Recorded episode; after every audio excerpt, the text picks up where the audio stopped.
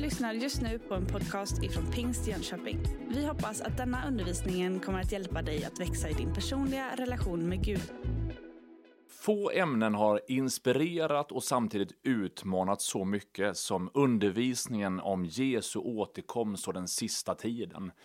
Genom den hela den bibliska historien så har löftet om att Gud ska återupprätta sin skapelse, att Gud ska frälsa världen och för evigt utplåna ondskan, döden, djävulen, allt det onda. Eh, det har liksom lyst igenom i flera olika texter. Och sen Jesu död och uppståndelse så har den kristna kyrkan levt i någon slags förväntan och undran. När ska detta löfte uppfyllas? Och vi ska i det här poddavsnittet försöka närma oss en del av de här texterna. Jag hoppas att det här ska få bli till uppmuntran, till stöd och till vägledning i ett otroligt centralt perspektiv av den kristna tron att Jesus har dött, han har uppstått, han är segraren på Golgata och vi lever ändå någonstans i någon slags väntan inför den slutgiltiga liksom, finalen utav att allt det som han har tänkt får ske fullt ut och att döden för alltid på det sättet besegras. I Jesu himmelsfärd så möter vi texten i Apostlagärningarna så här. När eh, Jesus var tillsammans med sina lärjungar så utmanade han dem och så frågar de, Herre, är tiden nu inne då du ska återupprätta riket åt Israel? Vi ser hur lärjungarna här i, i apostlarnas början ställer frågan att men nu har du dött, nu har du uppstått, är det nu dags av att ditt rike ska på något sätt få bli precis så återupprättat som du har lovat? Och då svarar Jesus så här, det är inte er sak att veta vilka tider eller stunder som Fadern i sin makt har bestämt. Men när den helige Ande kommer över er ska ni få kraft och bli mina vittnen i Jerusalem och i hela Judeen och Samarien ända till jordens yttersta gräns. När han hade sagt detta såg de hur han lyftes upp och ett moln tog honom ur deras åsyn. Medan de såg mot himlen dit han steg upp stod plötsligt två män i vita kläder hos dem. De sa Galileer, varför står ni och ser mot himlen? Denne Jesus som togs upp från er till himlen, han ska komma tillbaka på samma sätt som ni såg honom stiga upp till himlen. I den här texten så förstår vi Jesu önskan att vårt fokus, vår drivkraft är inte spekulation kring när han ska komma. Jesus är ju supertydlig och säger det är inte er sak att veta vilka tider och stunder som Fadern har bestämt. Fokuset till oss som lärjungar är inte att lägga allt för mycket vikt vid exakt när det ska ske, hur det ska ske och på vilket sätt som det sker. Utan drivkraften som Jesus säger är liksom är att amen, se till att ni blir fyllda av den helige Ande och berätta om evangeliets kraft och lär människor, led människor till relationer med Kristus eh, ut över hela världen. Och det andra får ni liksom överlåta till Gud. Och sen så ser de hur Jesus rycks upp där i molnen och liksom de står där och spejar mot himlen när plötsligt två änglar ger dem den här utmaningen. Att, men varför står ni och tittar mot himlen? Gör nu så som ni har blivit tillsagda. Men så möts vi också i den här texten av just perspektivet att på samma sätt som ni såg honom stiga upp så ska han komma tillbaka. Det finns ett perspektiv utav Jesu återkomst, det finns ett tillfälle som Bibeln är tydlig med att det kommer en dag då det som Gud har lovat skall få ske och där liksom det som är Guds rike fullt ut får breda ut sig och vi ska titta lite närmare på det. Det finns flera olika texter som adresserar de här frågorna i, i Nya Testamentet och det finns profetiska löften redan i Gamla Testamentet. Men låt oss stanna vid några texter. Eh, och jag skulle vilja att du följer med mig till första Thessalonikerbrevet kapitel 4 och från vers 13 så ska vi läsa in, in i kapitel 15. Där står det så här. Vi vill att ni ska veta hur det blir med dem som har insomnat, så att ni inte sörjer som de andra, de som inte har något hopp. Eftersom vi tror att Jesus har dött och uppstått, så ska Gud på samma sätt genom Jesus föra fram de insomnade tillsammans med honom. Vi säger er detta enligt ett ord från Herren. Vi som lever och är kvar till Herrens ankomst ska inte alls komma före de insomnade. När, när en basun ljuder en ärkeängels röst, en Guds basun, då ska Herren själv komma ner från himlen, och de som har dött i Kristus ska uppstå först. Därefter ska vi som lever och är kvar ryckas upp bland skyar tillsammans med dem för att möta Herren i rymden, och så ska vi alltid vara hos Herren. Trösta därför varandra med dessa ord. När det gäller tider och stunder, bröder, behöver vi inte skriva till, till er. Ni vet själva mycket väl att Herrens dag kommer som en tjuv om natten. När folk säger fred och trygghet, då drabbar undergången dem lika plötsligt som verkan hos en kvinna som ska föda, och de slipper inte undan. Men ni bröder lever inte i mörker så att den dagen kan överraska er som en tjuv. Ni är alla ljusets barn och dagens barn. Vi tillhör inte natten eller mörkret. Låt oss därför inte sova som de andra, utan hålla oss vakna och nyktra. De som sover, de som sover om natten, och de som berusar sig är berusade om natten. Men vi som tillhör dagen ska vara nyktra, iförda tron och kärlek som rustning och hoppet om frälsning som hjälm. Gud har inte bestämt oss till att drabbas utav vredesdomen, utan till att vinna frälsning genom vår Herre Jesus Kristus. Han har dött för oss för att vi ska leva med honom, vare sig vi är vakna eller insomnade. Uppmuntra därför varandra och uppbygg varandra så som ni redan gör. Hela den här texten adresserar perspektivet av att löftet om Jesu återkomst, löftet om att en dag förenas i det himmelska tillsammans med honom, aldrig är ett hot i ett kristet perspektiv. Utan sann kristen tro hämtar kraft i löftet att en dag ska Herren komma tillbaka.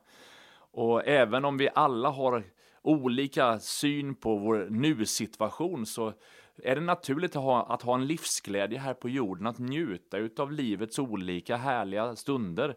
Eh, men det finns ett perspektiv, ett löfte om, att, om himlen och Jesu återkomst som i den kristna världen är central som ett hopp, en källa till inspiration, en källa till drivkraft, eh, att vara frimodig, att dela sin tro med andra. Eh, I perspektivet utav återkomsten, i ljuset utav evigheten, så är det så många saker som i oroliga tider ändå på något sätt får ett, ett hopp att, som lyser igenom de där situationerna. Paulus han säger att sörj inte som de andra. Eh, när, det, in, när människor har dött, när människor har insomnat kallar han det, så är det ju lätt att man sörjer och tänker att man aldrig mer kommer ses. Men vi förstår i den här bibeltexten att det finns en återförening. I ljuset av återkomsten så kommer vi där och då också få vara tillsammans, både med varann och med honom. Eh, och därför så får vi förenas i det löftet tillsammans.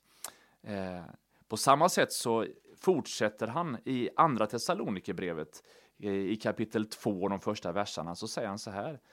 Eh, när det gäller vår Herre Jesu Kristi ankomst och hur vi ska samlas hos honom ber vi er bröder att inte plötsligt tappa fattningen. Låt er inte skrämmas av någon ande eller av något ord eller brev som påstås komma från oss som säger att Herrens dag är här. Och så förstår vi att det fanns en liksom akapolyptisk, liksom så här, nu händer det och det fanns mycket skriverier. Vi kan se i många antika texter att det fanns många drag utav någon form utav tidens slut och jordens undergång.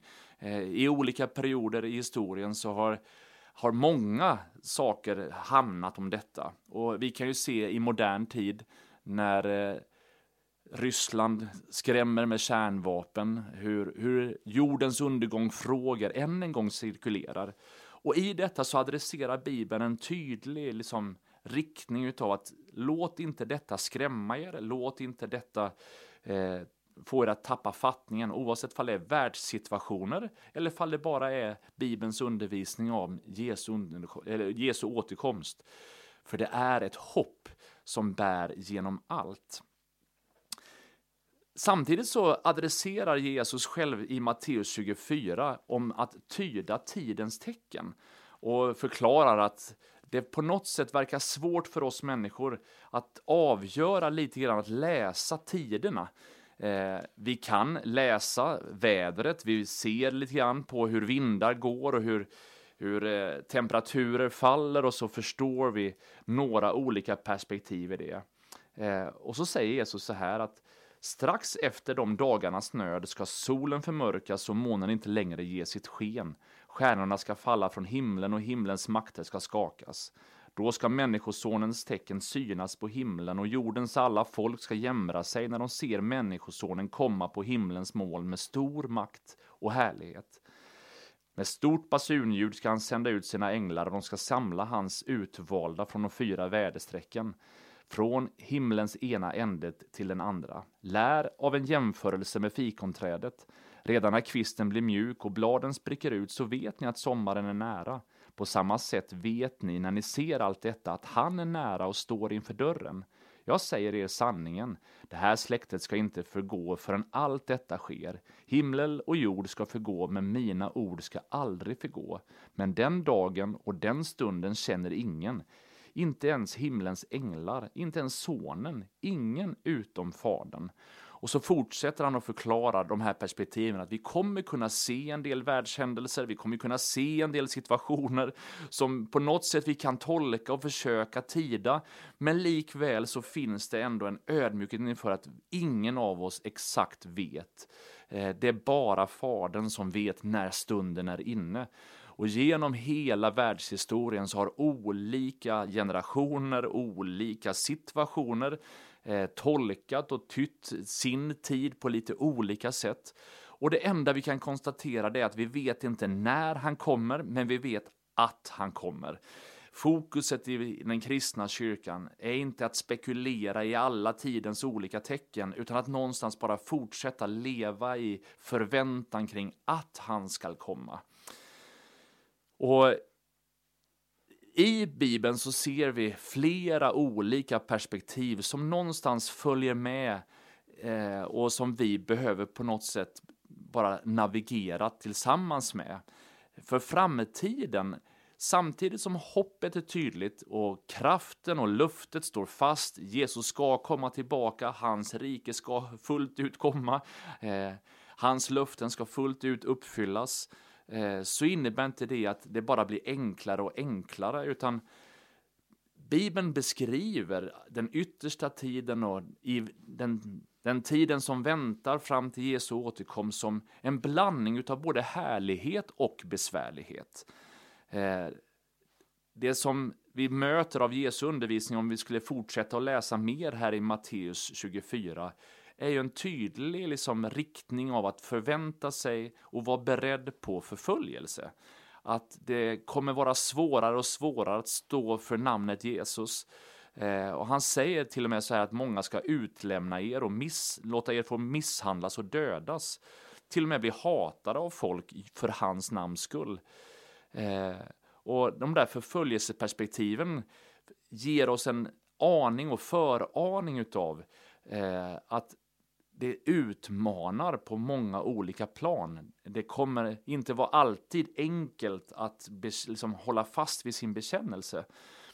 Och därför så undervisar Jesus om, och Bibeln om att de här förföljelseperspektiven och hur världen kommer att bli lite hårdare och tuffare Eh, och att förvarna om det ger en beredskap som någonstans inte ska överraska oss, som gör att vi, vi tappar fokus när det väl händer.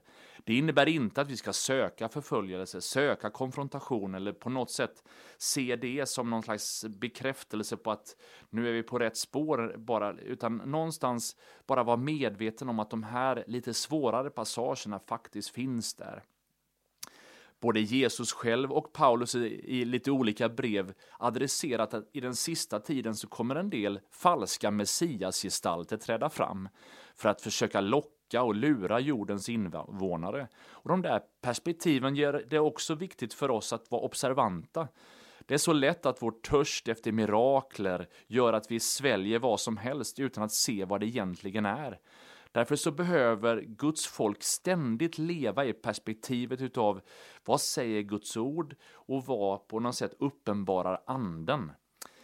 För utifrån det löftet säger faktiskt eh, Apostlagärningarna 2 så här att det ska ske de sista dagarna, säger Gud, att jag ska utgjuta min ande över allt kött. Era söner och era döttrar ska profetera, era unga män ska se syner och era gamla män ska ha drömmar. Jag över mina tjänare och tjänarinnor ska jag i de dagarna utgjuta min ande och de ska profetera. Jag ska låta under synas uppe på himlen och tecken nere på jorden, blod, eld och rök. Solen ska vändas i mörker och månen i blod innan Herrens dag kommer, den stora och härliga. Och det ska ske att var och en som åkallar Herrens namn ska bli frälst. Så på samma sätt som Bibeln adresserar det kommer bli svårare, det kommer bli tuffare, det kommer kliva fram människor som har en sken av Guds fruktan men förnekar dess kraft. Det finns en slags falska messiasgestalter som kommer försöka bedra genom falska under och tecken. Så sker det också en parallell våg från himlen, ett utgjutande av hans heliga ande som rustar, som ger kraft, som ger urskiljning till den kristna kyrkan så att vi kan avgöra vad som är gott, vad som är riktigt och vad som på olika sätt är på Guds hjärta. Eh, och det sker på något sätt parallellt. Det andra som eh, vi ser Bibeln beskriva är olika naturkatastrofer. Vi ser både i Jesu undervisning i Matteusevangeliet, Lukasevangeliet. Vi anar också i, i de liksom, lite svårtolkade texterna i Danielsboken och Uppenbarelseboken att eh, det finns en hel del av hur naturen rycks med och påverkas av den sista tidens eh, svårigheter. Eh, och här ser vi ju naturens utveckling och det möter vi ju ofta. Klimatförändringarna blir svårare. Vi står inför en, en global klimatkris på flera olika sätt. Eh, och här finns det liksom en tydlighet i undervisningen att liksom även skapelsen väntar på någonstans återkomsten. Paulus säger hur hela skapelsen suckar och längtar efter befrielse. Eh, det är som att hela, hela, hela naturen väntar på att det som Gud en gång skapade gott skulle få återerövra sin skönhet och bli av med allt det som nu förgiftar och förpestar naturen. Så vi ser förföljelsen, vi ser andeutgjutelsen, falska messiasgestalter, naturkatastrofer. Men vi ser också hur Bibeln beskriver om att det i den, i den sista tiden, den yttersta tiden, hur krig och terrorhot kommer bli allt mer tydligt.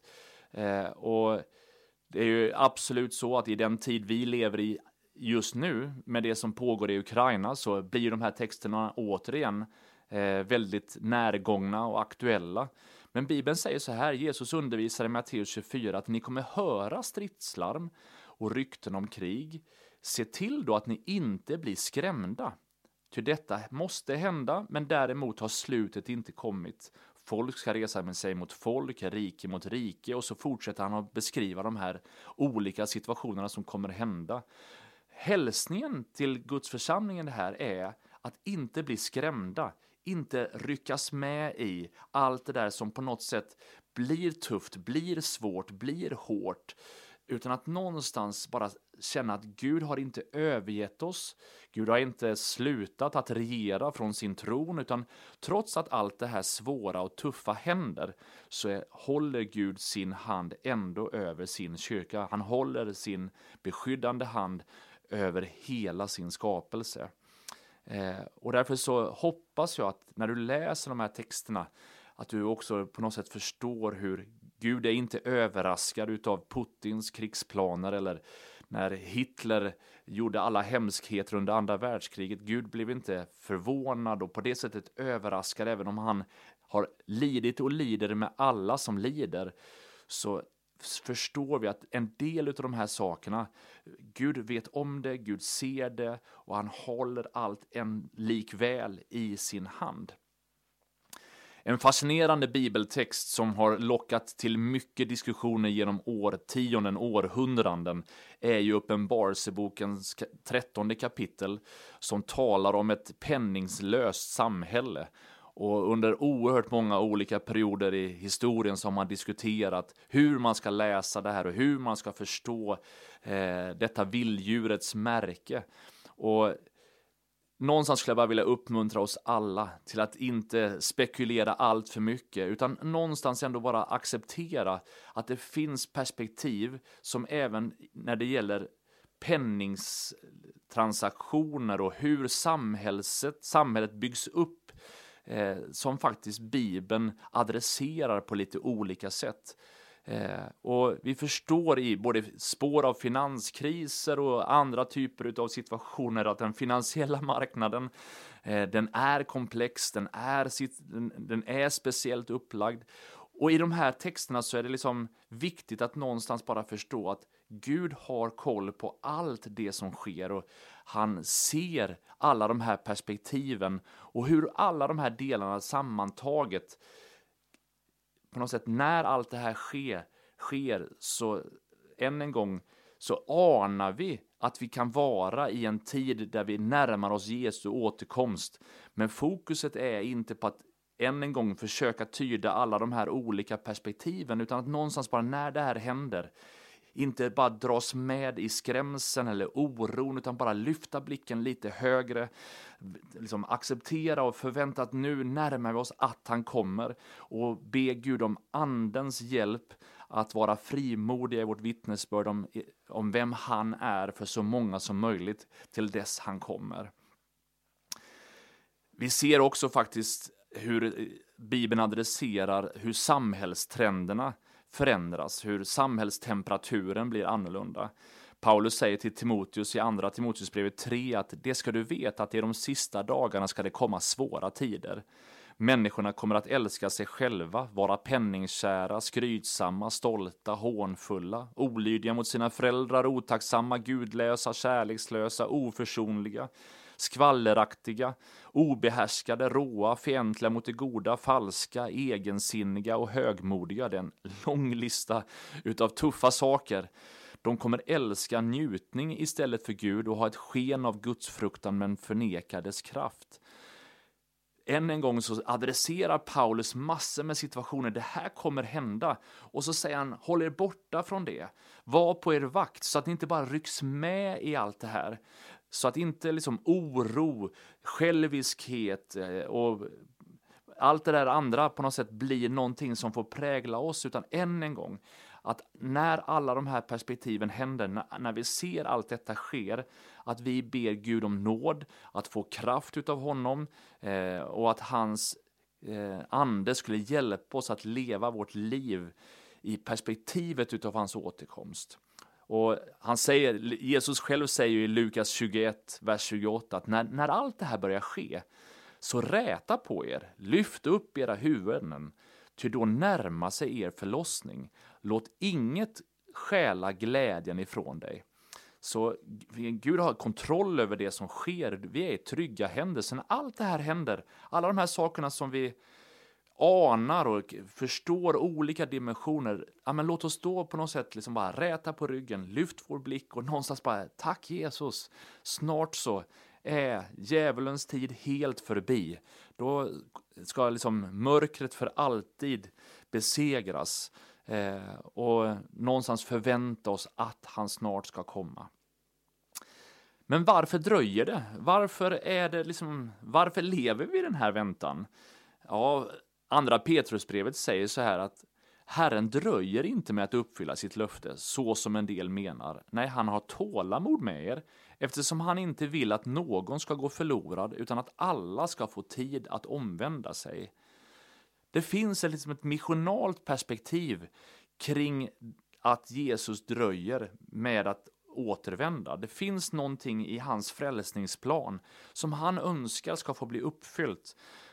Och när vi speglar den texten som vi nyss läste mot löftet som vi börjar den här podden med från apostlärningarna så förstår vi att Gud vill att hans kyrka, hans kropp, du och jag som tror på honom, att vi ska få bli rustade med anden så att vi berättar om honom för så många som möjligt. Så att den dagen då vi kliver in i det himmelska för alltid. Så många som möjligt har fått fatta sitt beslut och fått acceptera Jesus i sitt liv. I väntan på att det här ska ske så behöver vi göra allt vi kan för att bevara det här framtida hoppet. Det är så lätt hänt att i, i att tiden går, att perspektiven eh, på något sätt suddas ut lite grann och att synfältet om det himmelska och talet om Jesu återkomst tonas ner. Men det här har man sagt i så många århundraden, men han, han har ju inte kommit än, så att det verkar kanske som att vi glömmer bort det eller tänker att det inte kommer att hända. Och därför så behöver både du och jag som efterföljare ständigt påminna oss om att han snart ska komma och att vi behöver stå redo för att vara där när det händer. Och för att leva i detta så har Jesus själv instiftat nattvarden som en påminnelse om det han har gjort, men också för att bevara förväntan på det som kommer att hända. I Markus evangeliet så säger han så här, att när Jesus tog ett bröd, tackade Gud, bröt åt sina lärjungar och sa, ta detta, det här är min kropp. Och så tog han en bägare, tackade Gud och gav åt dem och de drack alla ur den och han sa till dem, detta är mitt blod, förbundsblodet som blir utgjutet för många. Och så lägger han till, jag säger er sanningen, jag ska inte dricka av vinstockens frukt förrän den dag då jag dricker det på nytt i Guds rike. Och så förstår vi när vi läser de här texterna och så förstår vi att han, han längtar efter att få fira den där nattvardsmåltiden tillsammans med oss igen när vi är där i fullbordandet av Guds rike. Eh, och varje gång som vi firar nattvard så tackar vi Jesus för att han har dött för vår skull. Vi tackar Jesus för förlåtelsen. Vi tackar honom för det nya livet vi har tillsammans med honom. Men det är också en, en, en, en måltid i förväntan av att en dag så ska vi inte få fira det symboliskt här i kyrkan, utan vi ska få göra den måltiden tillsammans, öga mot öga med Jesus själv och med alla de som har tagit emot honom i sitt liv. Eh, Uppenbarelsebokens sista liksom, hälsning på något sätt, som Bibelns sista bok, så talar man om, om den där, den där, det där tillfället och Aposteln Johannes säger att därefter så se, såg jag en stor skara som ingen kunde räkna, av alla folk och stammar, länder och språk. De stod inför tronen och inför lammet klädda i vita kläder och med palmblad i sina händer. Och de ropade med stark röst, frälsningen tillhör vår Gud, som sitter på tronen och lammet. Det är de som kommer ur den stora nöden, de som har tvättat sina kläder och gjort dem vita i lammets blod. Och så förstår vi den här rika språkdräkten som aposteln använder i Uppenbarelseboken, att alla de som har tagit emot Jesus, en gång så ska vi stå där inför honom eh, och få fira den där måltiden och vara tillsammans med honom i ett himmelskt perspektiv eh, som ger oss all, all anledning till att se fram emot det där tillfället. Då ondskan är utplånad, djävulen är besegrad, ingen sorg finns, ingen klagan finns, ingen smärta finns, ingen sjukdom finns. Eh, vilken underbar dag då allt det där lidandet får ett slut. Eh, och jag tänker att det är det där som du och jag ständigt behöver ha blicken fäst på. Och Hebreerbrevets författare säger i kapitel 12 att vi ska ha blicken fäst på Jesus, trons upphovsman och fullkomnare. För att nå den glädje som låg framför honom uthärdade han korset, utan att bry sig om skammen och sitter nu på högra sidan om Guds tron. Tänk på honom som fick utstå sådan fiendeskap från syndare så att ni inte tröttnar och tappar modet.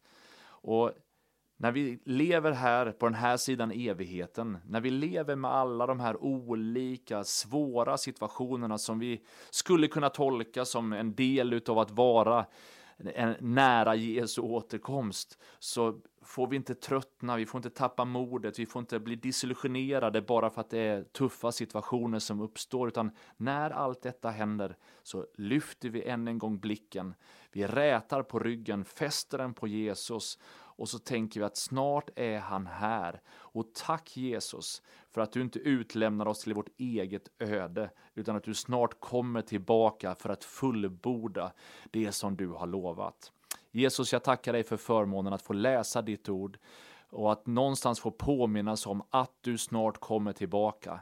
Herre, tack för förmånen att någonstans få tillhöra dig, att få ha våra namn skrivna i din bok och att det löftet om din återkomst inte blir ett hot, inte behöver skapa en rädsla, utan får vara en sån där, en trygg och säker hamn att längta till.